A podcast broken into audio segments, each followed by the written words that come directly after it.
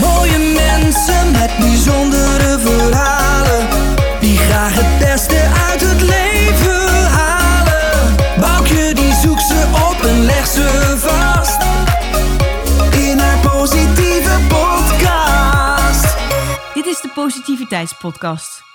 Mijn naam is Boukje Jongendijk en mijn gast van vandaag is Dick Kleinluchtenbelt. Dick is socioloog en filosoof. En hij heeft een heel aantal boeken geschreven, waaronder een trilogie over levenskunst. Zijn tweede boek daarvan gaat over vriendschap en dat is het onderwerp waar wij het vandaag over gaan hebben. Hij heeft ook nog een heel erg mooie gedichten geschreven en op dit moment is hij ook nog bezig met een dichtbundel. Ook leuk om te vermelden is dat hij ehm, ja, allerlei lezingen en cursussen geeft op het gebied van die levenskunst en ethiek. Dat wordt ook wel moreel beraad genoemd. Daar gaan we het in deze podcast ook nog over hebben. En samen met anderen leidt hij het Filosofische Café in Arnhem. En tenslotte is hij erelid van de Vereniging voor Filosofische Praktijk. Maar deze podcast staat met name in het teken van vriendschap. Heel veel luisterplezier. Hier is Dick Kleinluchtenbelt. Goedemorgen, Dick. Goedemorgen. Wat mooi dat wij hier bij jou eh, in Oosterbeek te gast mogen zijn op deze zonnige dag. In deze mooie omgeving. Ehm, jij bent filosoof en socioloog. Dat klopt. En ik heb eigenlijk ben ik jou op het spoor gekomen omdat ik heel graag een keer wilde praten met iemand die eh, vriendschap en verbinding met andere mensen of met jezelf Mhm. in een, ja, een breder perspectief kan eh, zetten. Ik denk dat het ook in deze tijd, het is altijd belangrijk, vriendschap, maar ook in deze tijd eh, een heel mooi item is. Dus ik ben heel erg blij dat wij te gast bij jou mogen zijn. Oké, Eh, ik- nou, welkom. Ja, hartelijk dank. Ja, Ehm, jij hebt ook een eh, heel aantal boeken geschreven. We- Ik vind het straks heel leuk, daar zullen- zal ik straks nog even op terugkomen, ehm, om een van je boeken extra te belichten. Maar zou jij misschien aan de luisteraar die jou nog niet kent, iets, iets over jezelf willen vertellen wat je graag kwijt wil? ja. ja, ik ben eh, Dick Kleinluchtenbelt. En ehm, ik ben intussen gepensioneerd. Ja. Dat wil niet zeggen dat ik niets meer doe. Ik doe juist nog wel heel veel dingen. Zowel op het gebied van levenskunst als op het gebied van eh moreel beraad. En ehm, dat wat ik op het gebied van levenskunst doe, dat heb ik inderdaad vertaald ook in drie boeken. Ik heb een boek geschreven over eh, mensbeelden en levenskunst. Ja. waarin moderne filosofen besproken worden, Mhm. zoals eh, Heidegger, Foucault, eh et cetera. Maar Martha Nussbaum onder andere ook. En ik heb een boek geschreven over de oudheid, over de klassieke filosofie, en over levenskunst. En daarin is het centrale thema vriendschap. ja, daar gaan we het straks Ja. heel graag over En hebben. we hebben nog een derde boek geschreven, dat is er recent uitgekomen. Ja, En dat gaat over moderne levenskunsten. oké. Dus dat zijn eigenlijk oefeningen. De klassieke filosofie was eigenlijk ook een oefening in leven. En ehm, ik heb een aantal eh, moderne levenskunsten in dat boek beschreven, tien in totaal. En eh, onder andere de kunst van het luisteren, de kunst van kiezen, de kunst van het met rust laten, de kunst van de stilte, oh de kunst van verdwijnen. Dat soort levenskunsten. En heb jij zelf, want ik, ik vind het wel mooi om straks heel even bij die term levenskunst, want eh, Mhm. het intrigeerde mij ook, van wat is levenskunst? Is dat eh, een manier van leven of hoe zie jij dat, dat begrip Ja. van levenskunst? Ja, nou, levenskunst kun je opvatten als de manier waarop je vorm geeft aan je leven. En, eh, en levenskunst is eigenlijk dat je bewust en met overleg over je leven praat en daar richting aan geeft. Dus het is dan vaak gericht op een mooi en een goed leven. Ja, en heb je dan, jij zegt in mijn laatste boek heb ik drie thema's gekozen. Jij, heb je dan gekozen voor thema's die jij belangrijk vindt Die, voor de, voor die aansluiten bij onze moderne tijd. Oh ja, En dus bijvoorbeeld een, een oefening als eh, de kunst van de stilte of de kunst met rust te laten. Dat is een heel belangrijk thema ook in onze moderne maatschappij, omdat wij alles willen beheersen. ja. en Oh, alles onder controle willen houden. En op het moment dat je dan bezig gaat met de kunst, de kunst met rust te laten, Mhm. dan zie je gewoon dat de dingen, ja, dat de dingen zichzelf ook ontwikkelen. Ja, en je- zichzelf ook oplossen misschien? Ja, en soms ook oplossen. Mhm. Dus eh, vaak is een luisterende houding aanvankelijk beter dan dat je tegelijkertijd al antwoorden geeft en zeg maar, de zaak wil beheersen. Ja, en er heel erg achteraan gaat jagen Ja, eigenlijk. precies. Mooi. Ja, Mooi. dus ook de kunst van kiezen En ook, zeg maar... de Ja, dat is eh, wat we natuurlijk ook veel horen, keuzestress en Ja. dat soort dingen. Dat klopt. Maar de kunst van het kiezen, ja, dat Ja. geeft natuurlijk ook, als je kiest, geeft het ook rust. Ja, dat geeft... Nou, dat geeft... Ja, ja. Nou ja, de kunst van kiezen... Wij, er zijn zoveel... Wij leven in een maatschappij waar heel veel aanbod is. Mhm. En, ehm, en vaak stellen mensen ook gewoon een keuzes uit. Mhm. Omdat ze dan willen afwegen. En het kan zijn dat dan het keuzemoment weg is. Hè? Dus ehm, in die zin is het belangrijk om te kijken van wanneer je de keuze moet maken. Mhm. En eh, of die keuze ook een weloverwogen keuze is. Ja, ja, mooi. Eigenlijk, eh, boek drie is ook heel Ja. interessant. nou, maar laten we maar vandaag eh, laten we maar ons helemaal eh, gaan focussen op die mooie vriendschap. Wat ik nog even benieuwd was, want dan vertelde jij net al iets toen wij aankwamen. Ik weet dat jij moreel beraad doet en ik vind het zo'n prachtige term. Kan je uitleggen wat dat is? Want eh, Ja. dan sta je dus stil bij vraagstukken met elkaar. Ja, dat klopt. Ja. Dus moreel beraad, dat, we doen dat met name in de gezondheidszorg. Ja? Maar ook wel in het onderwijs en het gevangeniswezen. In de bankwereld. Mhm. Hè? Dus het, het morele, dat is op een of andere manier een vraagstuk gewoon in onze moderne maatschappij. Omdat we telkens te maken krijgen met, met, ja, met, met, met dingen die zeg maar niet, niet goed, mo- moreel niet goed zijn. Mhm. En in moreel beraad, daar, daar ehm, is een gespreksleider die een gesprek faciliteert over een moreel vraagstuk aan de hand van een, ja, aan, aan de hand van een onderzoeksvraag. Dus bijvoorbeeld, wat is hier integriteit? Veel organisaties zitten met het integriteitsvraagstuk. Zowel bij de bestuurders als ook bij medewerkers eh, vaak. En dan onderzoek je zo'n vraagstuk om aan te geven van waar de grenzen eventueel van inte- integriteit zitten, maar ook wat integriteit is. En dan gaat het heel concreet om de handeling, Mooi. om de handeling zelf. En heb je dan, eh, jij hebt je achtergrond van filosoof en socioloog. Zitten er dan mensen in zo'n moreel beraad van allerlei verschillende expertise? Of, of is dat gewoon, kijk je dan juist vanuit een filosofische bril naar zo'n vraagstuk? Je kijkt, je kijkt vanuit het morele, vanuit het ethische. Oké, Je kunt dus zeggen van wat je in moreel beraad doet, Mhm. is op zoek gaan, dat is een beetje een Platoonse uitspraak, Mhm. dat je op zoek gaat naar het idee wat eronder ligt. En het idee kun je dan vertalen met, ehm, zeg maar, aan welke waarde een tekort is in de situatie. Is, is hier nou in deze situatie iedereen rechtvaardig behandeld? Aan wie is een tekort gedaan? Hè? Bijvoorbeeld dat vraagstuk. Of moet ik dat nu, wat ik van mijn collega gehoord heb, moet ik dat doorschuiven? Moet ik dat vertellen tegen de directie? Want ze heeft dingen gedaan die eigenlijk in mijn ogen niet kunnen. Wanneer geef je dit door? ja, dan zijn jullie eigenlijk een soort raadgevend. Ja, ja in zekere zin Orgaan. een raadgever. Maar ook, ook om, om, om de, de, de deelnemers aan zo'n moreel beraad ook moreel te vormen. Hè? Dus, Mooi. Zodat je meer zicht krijgt op eh, de ethische principes. En dat is heel belangrijk in onze... Dat is wat verwaarloosd in onze moderne maatschappij. Omdat het vaak gaat over product, productie...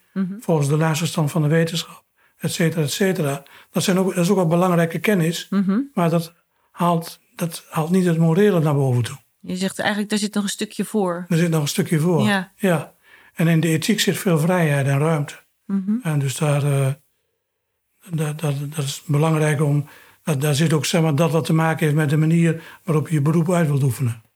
Dus je kunt dat ook telkens vragen Mhm. van welke, welk principe of welke visie of welke waarde of deugd Ja. is belangrijk voor je werk. En waar loop je tegenaan, te- tegenaan Ja. op het moment dat je het uit wilt voeren. Als je dan bijvoorbeeld zegt van, voor mij is het belangrijk dat ik aandacht en respect voor de klant heb. En je moet tegelijkertijd het contact wat je hebt in 10 minuten doen. Ja. Dan zou het wel eens kunnen dat dat met elkaar botst. hè? ja, mooi. Kun je ook in 10 minuten een vertrouwd contact hebben. Ja, daar moet je dan over gaan nadenken. ja. Of dat dan eh, nog kan. Mooi. Mooi onderwerp. En ehm, even terug naar levenskunst. Eh, in boek 2, ik ga nog even de titel noemen. Dat is ehm, eh, Bevriend raken met jezelf en de ander. Is natuurlijk ook intrigerend met jezelf en de ander. Dus dat zijn ook twee eh, verschillende soorten. Is dan eh, vriendschap een onderdeel van levenskunst? Of hoe moeten we dat, hoe moeten we dat zien? Ja. Nou ja, ehm, ik zie het zo dat zeg maar, de vriendschap dat dat een soort basis is van met elkaar samenleven. Mhm. Dus dat je, ehm, dat je de levenskunst richt op, op zeg maar, een vriendschappelijke verhouding met elkaar. Ja, er is heel veel over te zeggen, daarom Ja, hazel ik nu ook Nee, nee, alles is goed. Ja, wat ik zal gaan ja, zeggen. ja. Kijk, in, in, de, in de klassieke oudheid was vriendschap een van de belangrijkste deugden in de samenleving. Dus men ging vriendschappelijk met elkaar om. In zekere zin hebben wij de vriendschap wat geprivatiseerd. En is het wat meer in de privésfeer terechtgekomen en minder in het maatschappelijke gebeuren. Je zou kunnen zeggen van, zou op het moment dat mensen vriendelijk met elkaar, vriendschappelijk met elkaar omgaan in bedrijven, dan krijg je een hele andere cultuur. hè? Dus En je zegt eigenlijk in de privésfeer gebracht. Bedoel je dat we allemaal iets individualistischer zijn geweest, eh, geworden? Of bedoel je dat niet? Ja, ook dat. Van, eh, maar ho- hoe bedoel je ten opzichte van de oudheid? Dat het meer, eh, deden mensen meer samen met elkaar? Of, of eh, Nou, dat was, dat was zeg maar dat wat met vriendschap te maken had, was een belangrijk fundament van samenleven met elkaar. Ja? ja? Dus om dat nu bijvoorbeeld in verband te brengen met onze moderne maatschappij. Mhm. ehm, en er zijn veel jongeren die allerlei problemen hebben. Ja. hè, Ook nu in die coronatijd. Ja. Mhm. En ehm, ehm, vaak worden die problemen dan weggezet naar wat meer an- anonieme instituties waar het opgelost moet worden. En zou het niet zo kunnen zijn dat men juist behoefte heeft aan vriendschap? Zodat je ook de, en de vraagstukken Ja. gewoon met je vriend Kan bespreken. kan bespreken. Ja. hè? Dus de- we zitten nu in een totaal andere maatschappij natuurlijk. Ja.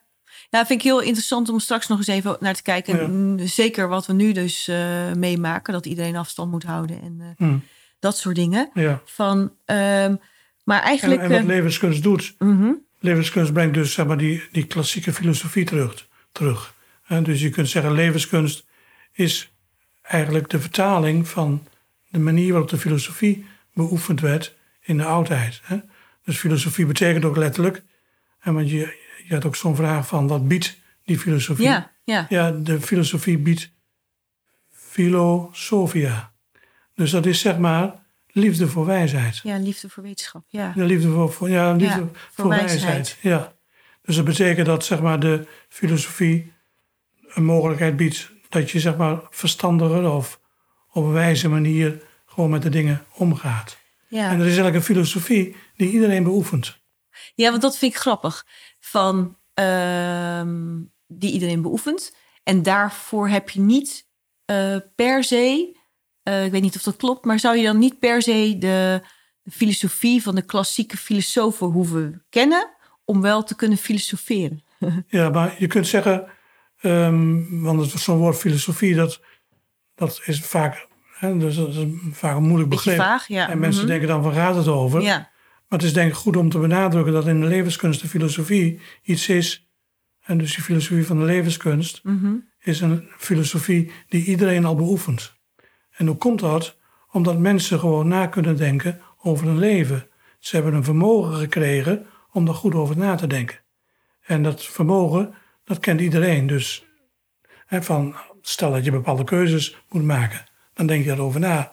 Als je bepaalde, eh, je, je leven op een bepaalde manier in, in, in wilt richten, dan denk je daarover na. Dus je bent telkens al met filosofie bezig. met filosofie Ja, dat is leuk.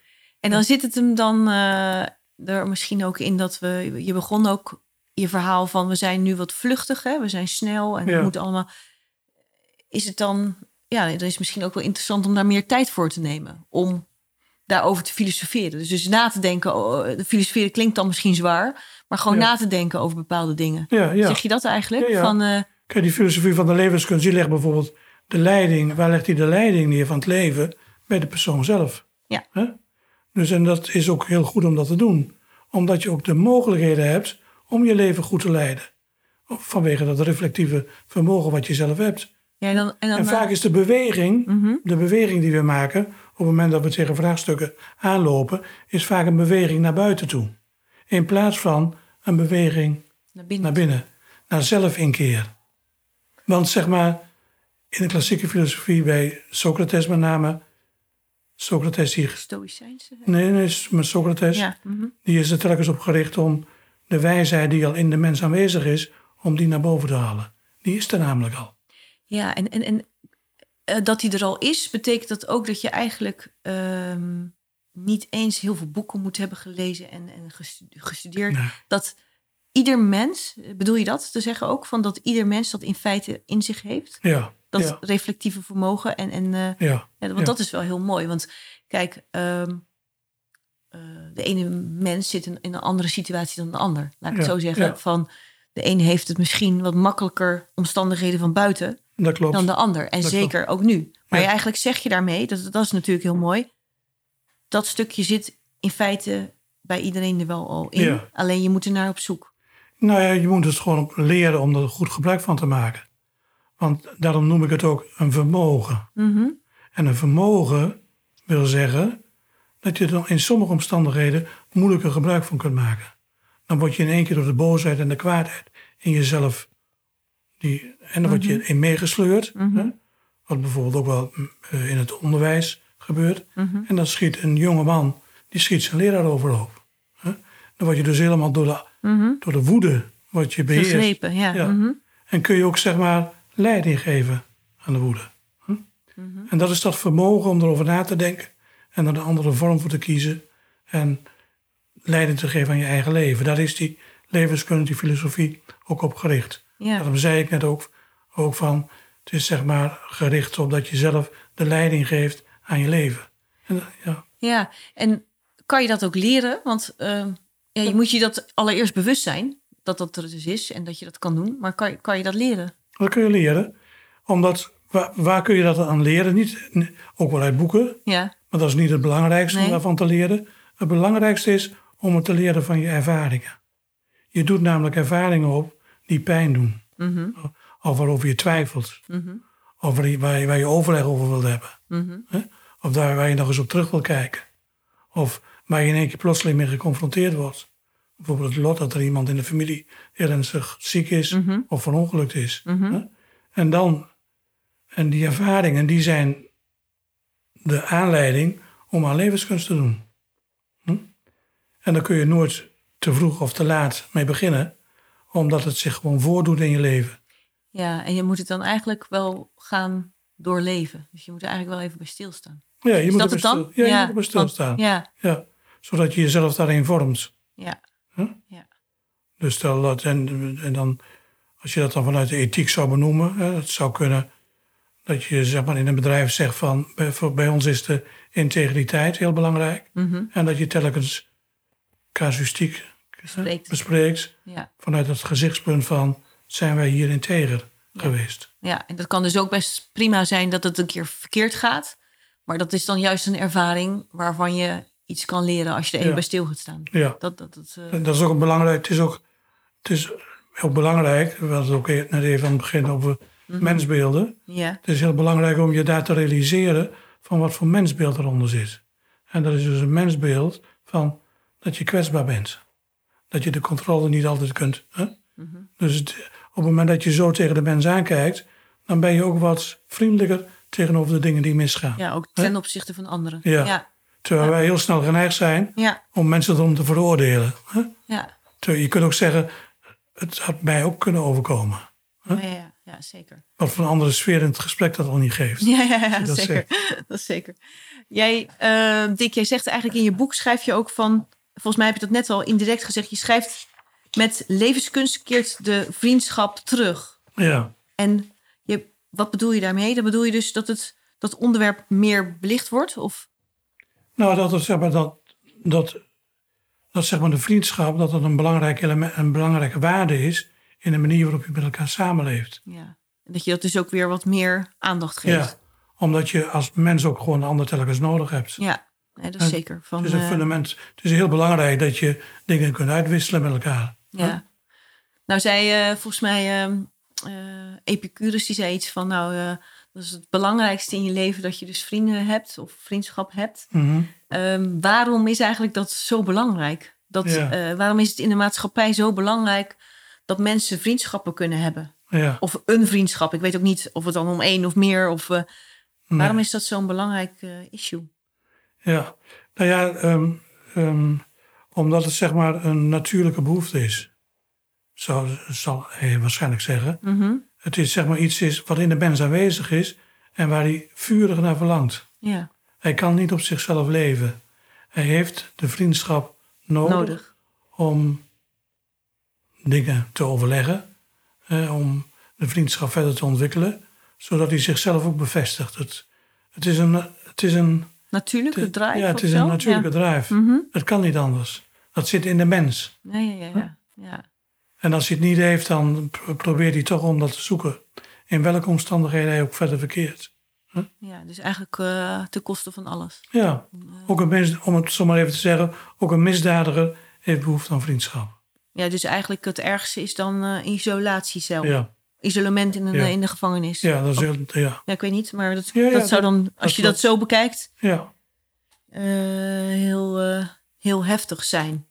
En ehm, ik heb nog een heleboel vragen gewoon over vriendschap. Maar als we dan, ik denk dat dat nu wel eh, past. Ehm, als we dan kijken naar deze tijd, van eh, dat we afstand moeten houden. En, en dat we ehm, op social media veel vrienden, eh, mensen zijn bezig met vrienden. Ja, wat, wat het dan inhoudt, hè? Want het is de vraag van. eh, wat, wat wat versta je daaronder? Ja. Ehm, maar bijvoorbeeld eh, nu, met, met eh, elkaar niet kunnen opzoeken. ehm, ja, ja, hoe kijk je daar tegenaan? ja dat, dat mis je dus. Dat is ook duidelijk uit Ja. de, de, de dingen die je in de kranten leest en Mhm. voor de tv wat erover gezegd wordt. Dat mensen heel sterk, en neem maar even de plezier- pleziervriendschap, ja. Dat je met elkaar bijvoorbeeld naar, naar het toneel kunt gaan of met elkaar naar het café kunt gaan. Dat je plezier hebt met elkaar. Ja. Hoe dat, hoe dat gemist wordt nu. Ja, en dat kan je ook e- eigenlijk niet goed vervangen, hè, nu? Of, eh, Nee dat, dat, nee, dat kun je niet vervangen door beeld. Nee. Dat, eh, dat is heel moeilijk daardoor. Je, hebt- je, je moet met elkaar in contact kunnen komen. En met elkaar kunnen spreken. En dingen kunnen overleggen. ja. Maar, In vriendschap staat er, ontstaat er altijd een soort gedeelde wereld. mhm. hè, die je aan wilt vullen. Dan wil je weten hoe, hoe iemand zich verder ontwikkeld heeft. Of welk besluit hij in iets genomen heeft. Mhm. Wat je van hem gehoord hebt. Ja, ja, dus dat is, eh, dat is niet zo best. Dat is, eh, dat is dat van deze tijd bedoel ik. ja, Dat ja. is ja. eh, moeilijk. Ja, dat is heel moeilijk. ja dat, dat, zijn, dat zijn ook moeilijke afwegingen. Ja, Ook voor de overheid natuurlijk moeilijke afwegingen. ja. Ja. Want ehm, als we kijken naar de, met een filosofische bril naar, naar het begrip vriendschap. Van, van, je hebt ook in je boek zeg maar, een aantal filosofen hou je aan. Ja. Heb jij die aangehaald omdat zij veel over vriendschap hebben geschreven? Of, of, eh, want jij noemt, eh, ik noem het even op, jij noemt Socrates en je noemt Aristoteles en eh, Augustinus en de Montaigne. Ehm, ja. Nou ja, je ziet al dat die klassieke filosofen eigenlijk als vanzelfsprekend met de vriendschap bezig waren. Hoe komt dat?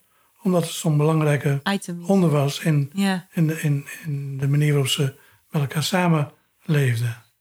Dus in die zin is het is het logisch ook dat ze daar ook allemaal Ja. over geschreven hebben.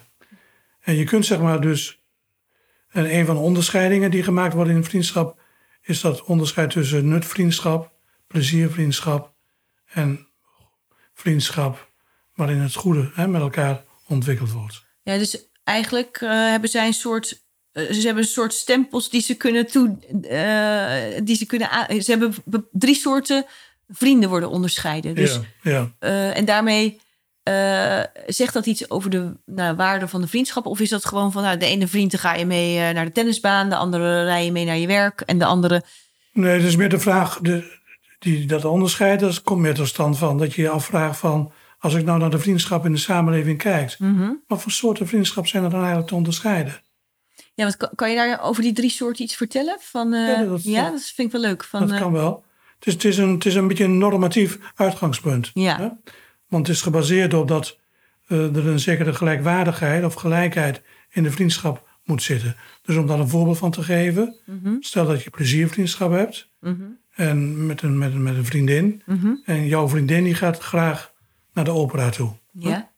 En jij gaat, jij houdt zelf niet zo van die opera, maar gaat omdat je bevriend met haar bent en je ook naar andere eh, activiteiten gaat, ga je met haar mee. mhm, En zeg maar, die vriendschap, die, onders- die de drie soorten vriendschap, mhm. die zijn erop gebaseerd dat er een zekere gelijkwaardigheid in de uitwisseling zit. Dan zit ook het normatieve. Dus op het moment dat jij, dat jij drie of vier keer meegegaan bent naar de opera, waar je niet zoveel van houdt, denk je van, ik moet toch, dat moet wat gelijk getrokken worden. Ja, dus Anders gaat het mis. dus jij zegt, zullen we de volgende keer eens naar een cabaret gaan? ja? Ik heb een mooie cabaretvoorstelling ook. Die is binnenkort in Utrecht. ja, En zullen we daar samen naartoe gaan. Dus wat gebeurt er dan? Dan wordt het wat gelijk getrokken. ja. Ja. Dus dat is een belangrijk element. Dat is een belangrijk element. Ook bij zeg maar, de, nutvriendschap. Dus dat je nut hebt van iets. Hè? En als die mevrouw, nou, als, je, nou- als die vriendin dan zegt van, eh, daar heb ik helemaal geen zin in. Ga je wel weer met mij mee naar die opera? Wat, wat dan?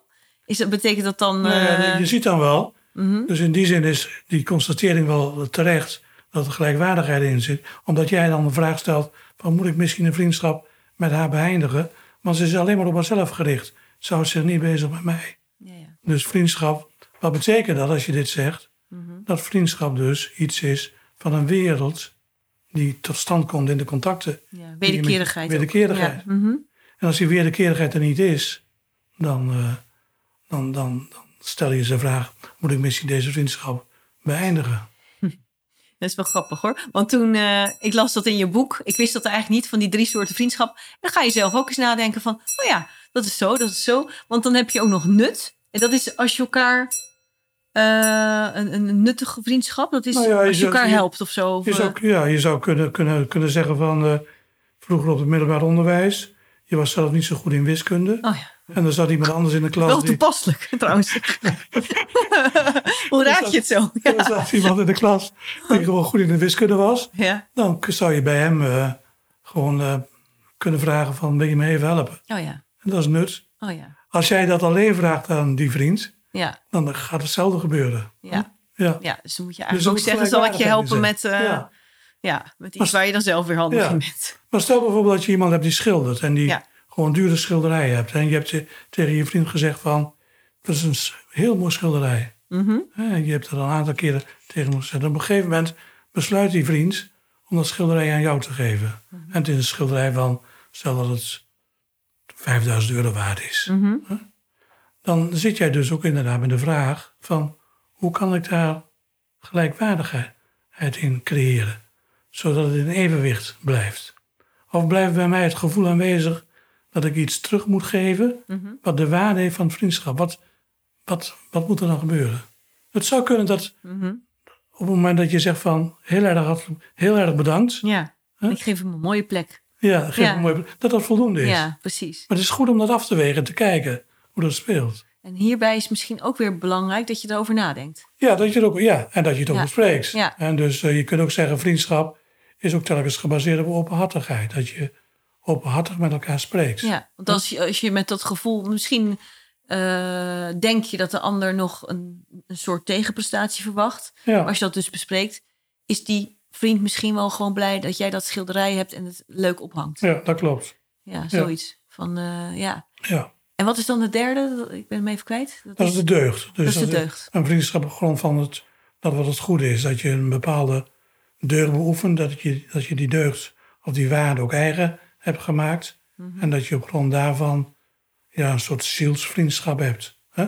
Dus dan zou je kunnen zeggen, dan is een vriend een soort tweede ik. Hè?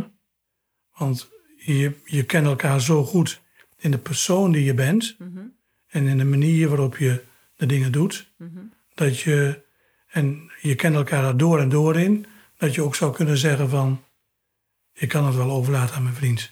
Die zal Ah, ja. zeker de goede beslissing nemen. Ja, ja. Dat is, ook, dat is ook de betekenis van een tweede ik. Ja, maar dat hoeft, hoeft dat, dat hoeft denk ik niet te betekenen dat je ontzettend op elkaar hoeft te lijken of zo. Dat hoeft niet. Nee, Nee. maar dat is meer van heel veel vertrouwen of zo. Ja, het is een soort ziels, zielsverwantschap. Maar is dit dan ook, ehm, ja, als je zegt van mijn beste vriend of, of een echte vriendschap, is, is dit dan? Is dat dan van die drie het meest wat dat raakt of maakt dat niet uit? Nou, dat is wel. Je, je zou kunnen zeggen. Hè, want ik, vriendschap is ook een vorm van nabijheid. Mhm, Je kunt zeggen dat in die zielsverwantschap. mhm, dat de nabijheid heel groot is. En vaak is die gebaseerd op dat je eenzelfde soort manier van leven hebt. Hè? Dus je begrijpt elkaar ook heel goed. Ja. Daarom kun je dat ook zeggen. Ik kan eigenlijk dit ook wel voorleggen aan mijn vriend. Want die zou waarschijnlijk een besluit nemen... wat helemaal in overeenstemming is met hoe ik er zelf ook over denk. ja, dat is mooi. Ja, Ja, ja ik, ik voel daar heel erg bij je uitleg inderdaad het gevoel van beste vrienden. Dat je gewoon eh, het idee hebt van dat het altijd goed is of zo. Ja, ik weet niet. Dat, eh, ja. Zo, zo, eh, Nou ja, ja. Het is, het is, eh, kijk, je, kunt- je, je kunt vriendschap zien als een, ehm, als een, een, een evenwicht zoeken mhm. tussen nabijheid en afstand. Ja? Dus hoe nabij kun je bij je vriend komen? Waar, waar liggen zeg maar de grenzen? En mogelijkerwijs, want er wordt natuurlijk ook misbruik gemaakt van vriendschap. Mhm, En die ontstaan. Mhm. En dus in die zin kun je zeggen van, je moet er ook over nadenken of je zo'n vriendschap wilt aangaan. Hè? Want je kunt misbruikt, mishandeld Ja. worden. En dus in die zin kun je ook zeggen van vriendschap is misschien, dat is meer een soort werkdefinitie. dat, je, ja, Ja. Dat, dat, je, eh, dat je dus zegt van, ik ben telkens op zoek naar een goed evenwicht tussen nabijheid en afstand. Als de nabijheid te groot wordt, ja, dan zie je je vriend niet meer in het gezicht. En Want hoe moet je dat eh, zien? Als het te groot, als het te dichtbij is, dan. dan identificeer je er eigenlijk Ja, ja, ja. de afstand Ja. is verdwenen. Mhm. En je kunt ook zeggen van de, de, de, de, de afstand is te groot. Hè, waardoor je niet meer goed kunt. En dan heb je heel weinig contact meer met je vriend. En dan is het heel, heel, goed, heel moeilijk om er ook iets van te zeggen. Mhm. Tegen hè, wat hij eventueel verwacht van je. Mhm. Dat je iets hè, over, een ding, over een onderwerp waar hij, waar hij zelf niet uitkomt. Dat hij daar graag iets van wil horen. Als de afstand te groot is, dan is het moeilijk Ja. om daar iets over te zeggen. ja, en dat is natuurlijk nu ook in, in deze tijd lastig. Van, eh, aan de andere kant denk ik, ja, er zijn ook een hoop middelen die je dan toch wel weer kan gebruiken met de telefoon en beeldbellen. Mhm. Of, of zeg je van nou, dat, dat is niet het echte. Ja, maar je hebt eh, soms geen andere keuze. ja, dan denk ik ook Tegenwoordig speelt van. dat heel sterk. Dat, Ja. je, dat je eigenlijk alleen maar via Zoom Ja, of via een andere, andere kan programma- soms niet anders. Nee, Nee, dat kan Kan soms niet anders. Nee. Nee.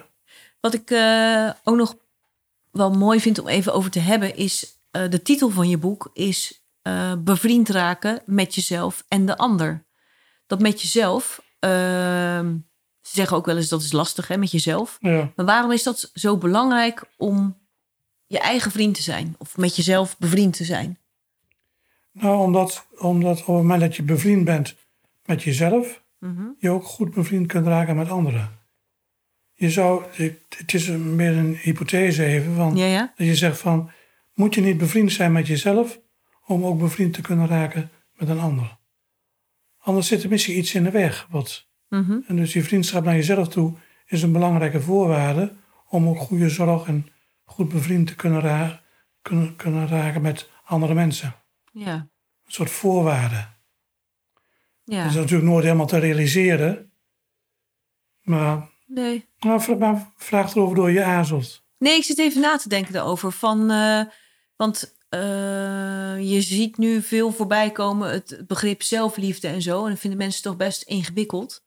Eh, van, eh, ik zeg het even, eh, van jezelf houden. Of nou ja, Ja, dat, dat klinkt best... nou, daar kan je van vinden wat je wil. Maar dat, dat is ook een onderwerp wat ik veel zie voorbij komen. Wat mensen volgens mij ook lastig vinden.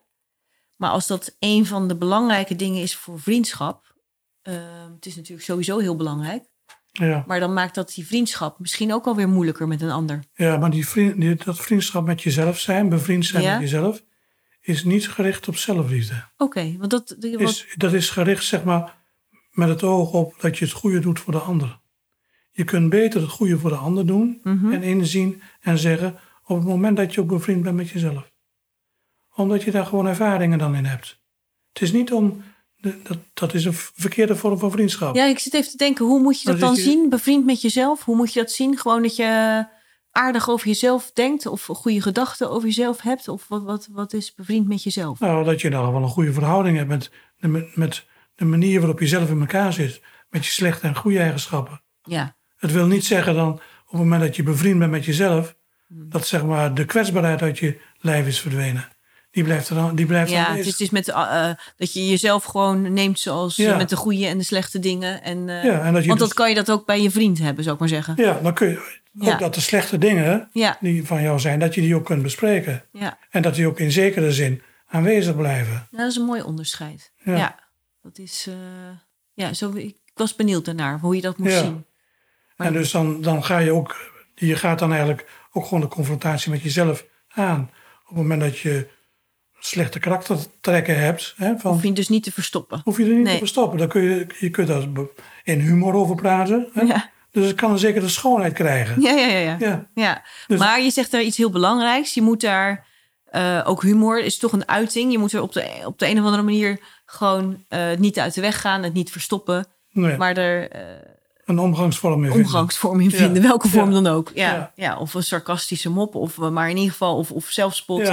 Maar je moet er wel iets mee doen. ja. Dat is wel Dat leuk. mensen kunnen zeggen van, hè, want het is zoiets van, wanneer, wanneer kijk jij daar ook op een goede manier naar? Dat iemand, de manier waarop hij om, omgaat met zijn slechte eigenschappen. Ja, En dan kan een bepaalde, als je dan vanuit de humor mee omgaat, dat geeft een bepaalde schoonheid ja. als je dat doet. ja, dat is waar. Van, eh, ja. Ik, ik, eh, wij weten thuis ook wel dat ik een grote knoeipot ben. Ja, En eh, ja, daar lachen we ook vaak hartelijk om. Ja. Ja. dat is natuurlijk een, dat is niet zo heftig iets, maar ik dat denk dan wel vraag- altijd... Zo'n Ja. vraag die ik een keer in een Socratisch gesprek, gesprek gedaan heb. Wanneer bekoort het zwakke het oog? Ja, Dus dat is een mooie is- vraag. Wanneer Ja. bekoort het zwakke het oog? Dat is dus zoals jij dat dan net doet thuis. Ja, ja, als er humor in. Als bij, humor, eh, ja. ja, ja. Dan denk ik wel leuk dat dit als... Ja, dat dat dan gaan we doen. weer, denk ik dan. Oh jee, dan gaan we weer het tafelkleed. Oh jee, mijn kleren. Ja, ja, nee, Ja, maar Maar ja. daar ben je er openhartig over, hè? Ja, nee, dat is dus niet van, oh jee, ik heb geknoeid. eh, we Nee. gaan het even snel. Nee. Ja, nee, grappig. En als je er openhartig over bent, dan heb je ook een zekere vrijheid. Ja, maakt het ook makkelijk. Maakt het makkelijker op. Ja, want als ik dat dan bij, een ander doe, Als- heel erg knoeien. Dus als ik dat, dan zeg ik gewoon, ja, dat, ik zal me inhouden hoor, maar... nee, dit is een klein voorbeeld, maar dat maakt het wel helder. Van, eh, het is niet zozeer zelfliefde, maar het is eigenlijk jezelf nemen zoals je bent. Met Ja. de goede en de minder goede het oog dingen. op de ander, ja. ja. En dat maakt het ook, als je zelf kwetsbaar op kan stellen... dan maakt het voor je vriend ook prettiger om je kwetsbaar op te stellen. ja, dat Want we zijn natuurlijk allemaal niet volmaakt. Eh, dat, dat- Nee. dat maakt het leven ook juist wel leuk Ja. dat, er- dat er nog wat eh, te onderzoeken valt. Nee, mooi. Van, eh, dus daarom is dat heel belangrijk. Dat wist ik eh, niet. Van, ehm, en eh, ik was eigenlijk nog wel heel erg benieuwd van eh, hoe kijk je tegen je... Jij weet een heleboel over vriendschap. Hoe kijk je dan tegen je eigen vriendschappen aan? Ook in Ja. de loop der jaren verandert dat? Of, eh, Ja. ja, dat verandert wel. ja, Natuurlijk, gewoon vrienden die je op de school had, ja. die verdwijnen vaak langzaam uit beeld. Mhm.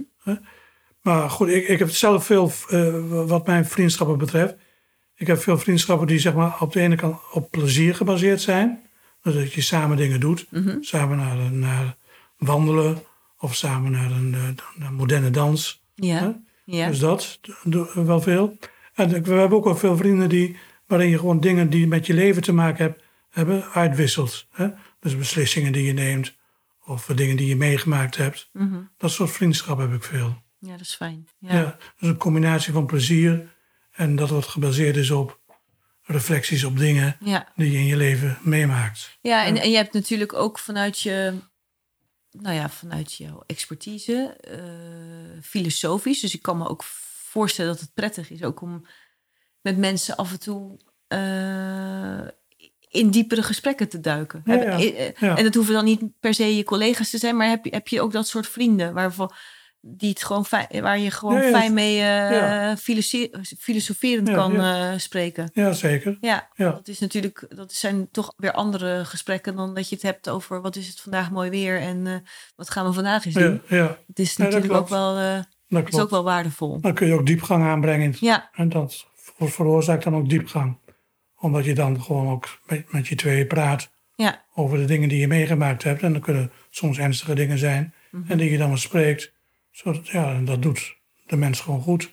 Om daar, eh, ja. En vanuit levenskunst gezien, hè, eh, als je, ehm, ja, je probeert allemaal, nou ja, zo mooi mogelijk je leven te eh, leven. Is het dan ehm, belangrijk dat je veel vrienden hebt, dat je een beste vriend hebt, meerdere beste vrienden? kan je daar iets over zeggen? Of is dat gewoon Ja. per persoon, maakt dat helemaal, ja, is dat heel verschillend? Ik deed altijd een, een, een, een oefening mee, met, Oh.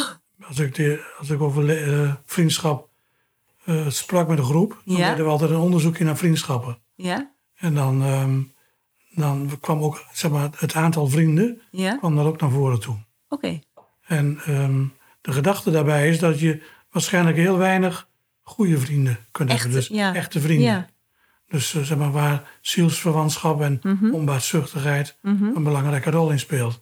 Want dat heeft te maken met, je moet, wil je gewoon vriend, vriendschap eh, houden, dan moet je vriendschap, dan moet je actief in zijn. Dan, Ja, dat zei je net. Je moet Ja. wel, het is een Ja. soort werkwoord. Of in Ja. ieder geval, je moet ermee... eh, ja, dan moet je elkaar toch wat geregeld, geregelder zien.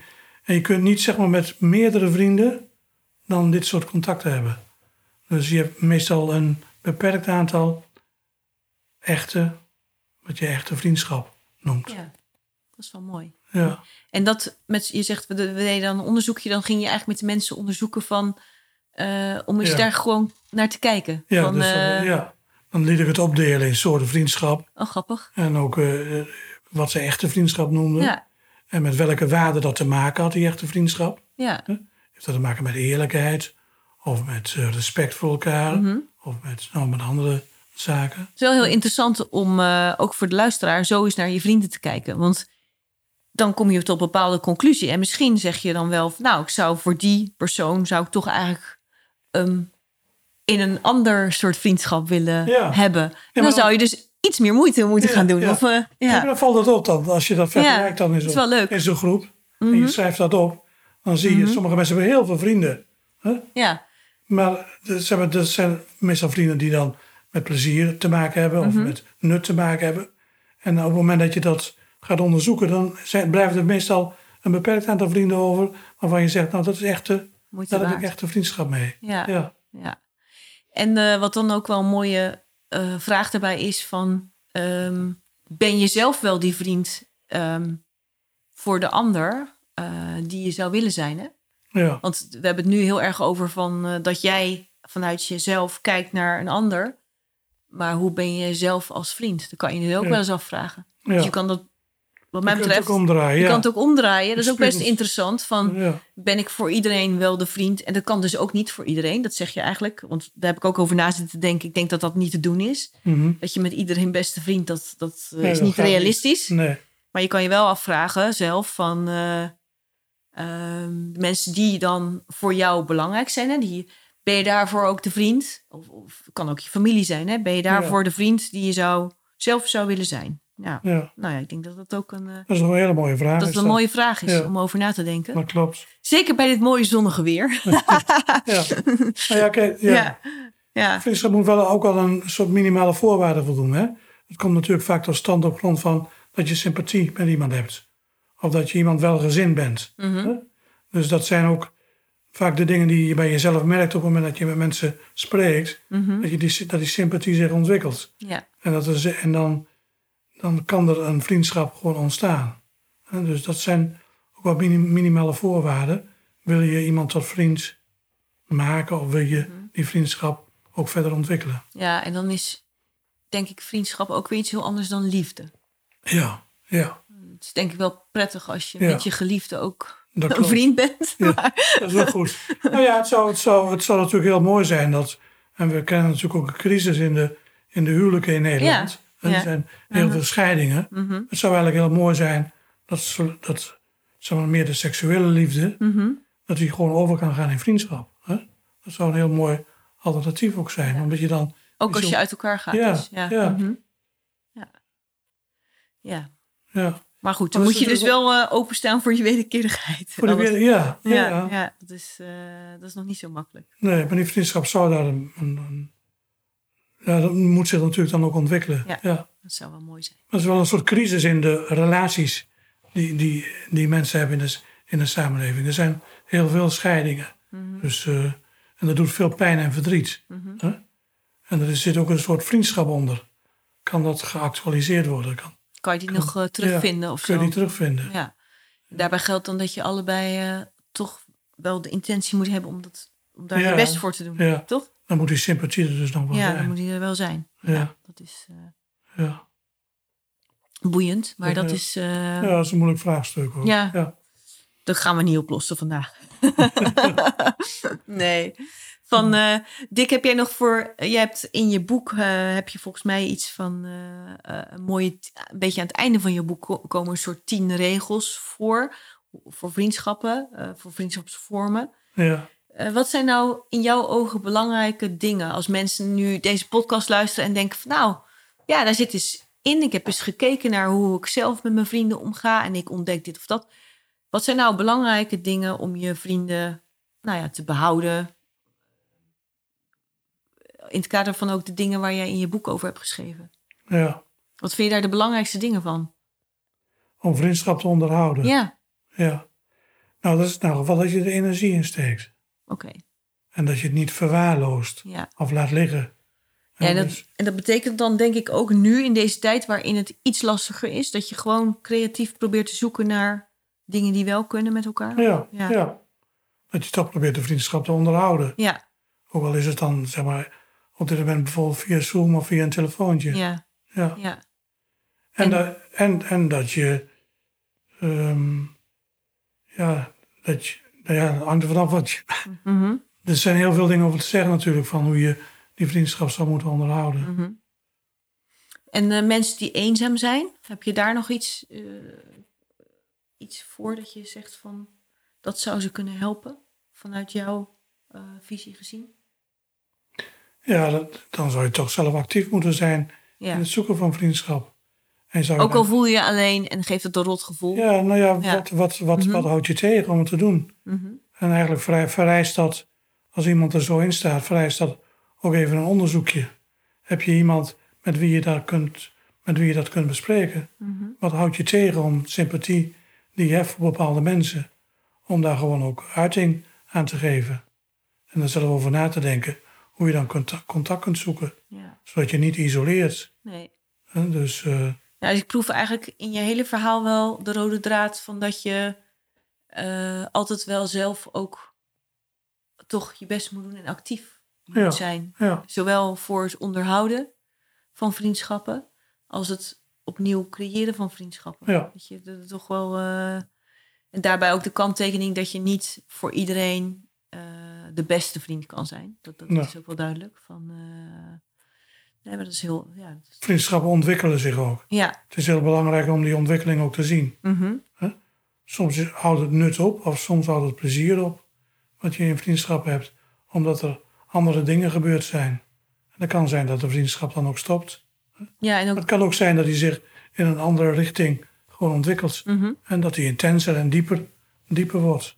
Ja, en ook stoppen van vriendschappen. Dat, hoe, eh, is dat erg? Of, eh, Nee, dat is niet erg. Nee, hè? Nee. Kan je toch ook beter gewoon transparant in Ja, dan kun je ja. beter, waar we het net over hadden, Ja, dan kun je beter zeggen. ja, dan Van, dat je ja. eh, de schijn op gaat houden. Dat, het, dat je er nog eh, energie in gaat stoppen. ja, maar het is wel belangrijk om dat openhartig te bespreken. Ja, Dus in die zin, als je bij, met, net zo rond die regels, dat het belangrijk is om openhartig te zijn ja. in wat je van de vriendschap vindt. Je kunt zeggen, de vrienden, eh, vriendschap is, vrienden vertellen de waarheid over hun vriendschap tegen elkaar. ja, dat is mooi. Dat is wel heel mooi gezegd. Ja, Hm. Ja. dat is heel mooi. Van, eh, ik had jou van tevoren nog ook gevraagd van... eh, ik vind het altijd leuk om iemand te vragen naar zijn, eh, zijn motto. Ja, Nou komt vanuit jouw boek natuurlijk al bevriend raken met raak bevriend met jezelf en de ander. Hè? Dat is natuurlijk al een hele mooie, nou om daar eens mee aan de slag te gaan. Maar jij had ook nog een andere aan mij doorgegeven. Van blijf je verwonderen. blijf je verwonderen. Ja. Ja. Wil je eens Ja. toelichten hoe je dat ziet? Van, Ja. eh, Nou ja, je, je, je, je blijven verwonderen wil zeggen dat je zeg maar, dus telkens over de dingen blijft nadenken en de dingen niet als vanzelfsprekend neemt. Als je je verwondert, dan sta je tussen de dingen en staat er niks in de weg om het leven op je af te laten komen en van daaruit gewoon je leven ook in te richten. Dus verwonderen zegt eigenlijk van dat er geen waarheid over het leven is. Dat je telkens moet laten inspireren door het leven zelf en het leven zich op die manier ook ontwikkelt. En verwonderen, dan kun je vragen stellen over de dingen. Dan heb je niet zoveel houvast nodig, Mhm. omdat je telkens vragende wijs er zelf ook wel uitkomt. En dan, dan inspireert het leven. Mooi. Er staat niks tussen. Kijk, je kunt zeggen, levenskunst kan ook met angst beginnen. Of, Ja, met, want- verve- of met verveling. Ja. Als dat angst is, Mhm. dan staat er iets in de weg. Dan durf je niet de stap te nemen. Je moet iets overwinnen voordat je je door het leven kunt laten inspireren. Maar angst kan ook een goede start zijn van levenskunst. Maar verwondering is het begin van alle filosofie. Als je verwondert over de dingen zoals kinderen dat ook kunnen, kunnen doen. Dat ze vragen kunnen stellen Mhm. waar je niet, niet zo goed het antwoord over hebt. Dat ook zo vanzelfsprekend deden. De dingen die dagelijks gebeuren, dat je daar ook vragen over kunt stellen. Dat je vragen kunt stellen over je eigen vooronderstellingen die je telkens meeneemt. En dat kan dus in mooie dingen, maar dat kan ook in moeilijke dingen. Ook in moeilijke dingen. Ja, want dat ja. is een interessante. Ja, Dat je je gaat verwonderen als iets moeilijks is. ja, ja. Ja. Maar daarmee kom je dan waarschijnlijk wel tot, Dan kom je tot onderzoek. tot onderzoek. Ja. En, en misschien ook tot oplossing. Ja, Maar het geeft in ieder geval ruimte. ja, eh, ja, dat is heel mooi. Van, eh, ja, heel mooi. ja. Dick, heb je zelf nog dingen waarvan je zegt van dat vind ik heel belangrijk om te zeggen over vriendschap? Of, of eh, hebben wij een heel aantal elementen van Hebben we wel gehad. hebben we wel gehad, denk ik, hè? Ja. Van, eh, Ik zou nog een. Ik, je hebt hele mooie gedichten daarin. ja, Ja, dat, dat is grappig. Van, heb je nog een heel mooi gedicht wat je voor, zou voor, willen voordragen? Ja, Want bij, bij elk hoofdstuk staat een heel mooi gedicht. ja. En ik heb ook een gedicht geschreven bij. ehm, Heb je ze zelf allemaal gemaakt? Deze? deze heb ik, die, die hierin staan, die heb ik zelf gemaakt, ja. Prachtig. Ja. En hier staat er, dacht ik, op het eind van het hoofdstuk over vriendschap. Daar staat, dacht ik, als ik het goed heb, dat gedicht. Even Ja, kijken. er staat, eh,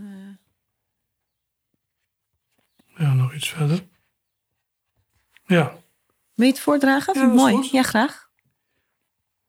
Ehm, wat ik aan vriendschap beleef, gaat niet op in rook. Het blijft kringelen in mijn lijf. Wat ik aan vriendschap beleef, heeft geen einde. Het is voorbij de horizon. Wat ik aan vriendschap beleef, is niet vatbaar voor kou. De warmte is onbegrensd. Wat ik aan vriendschap beleef, is niet gevoelig voor verveling. Het geeft kracht en zin aan het leven. Wat ik aan vriendschap beleef, verschroeit de grond niet. Het is een onuitputtelijke voedingsbodem. Prachtig. Ja, Ik hoop dat heel veel mensen ehm, overal en ook in welke tijd dan ook dit eh, tot zich nemen. En, en beseffen hoe mooi eh, vriendschap Mm. Ja. kan zijn. En als je voor jezelf ook het idee hebt van, eh, ik, ja, ik heb weinig nu, dat, je, dat ze ook de kracht hebben om het eh, op te gaan zoeken. ja, Dat hoop ik heel erg. ja, dat hoop ik ook. Ja, Dan kan een vriendschap ook een voedingsbodem zijn voor zeg maar, de manier waarop je leeft. ja, en voor de maatschappij. Ja, Eh, ja. Dat is mooi. Ja. Dick, ik vind het eh, heel erg mooi. En eh, als mensen nou nog jou willen contacten of, of een boek willen bestellen, waar, waar kunnen ze terecht? Ze kunnen via mijn e- e-mailadres kunnen ze contact zoeken. Wil je dat nog misschien even zeggen? Van, Ja, dat is d.e.kleinluchtenbelt Ja? En dan apenstaartje het net.nl. Ik zal het ook op de website zetten. Oké, En dat is, eh, dat is jouw e-mailadres. En jouw website is dickluchtenbelt.nl, hè? ja, Van, ja, eh, dat klopt. Ja. Ja.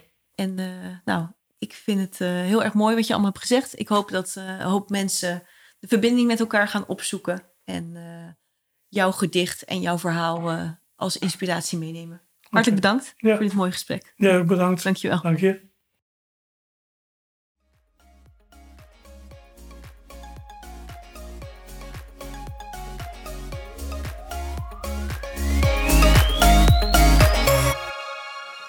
Beste luisteraar, hartelijk bedankt voor het luisteren.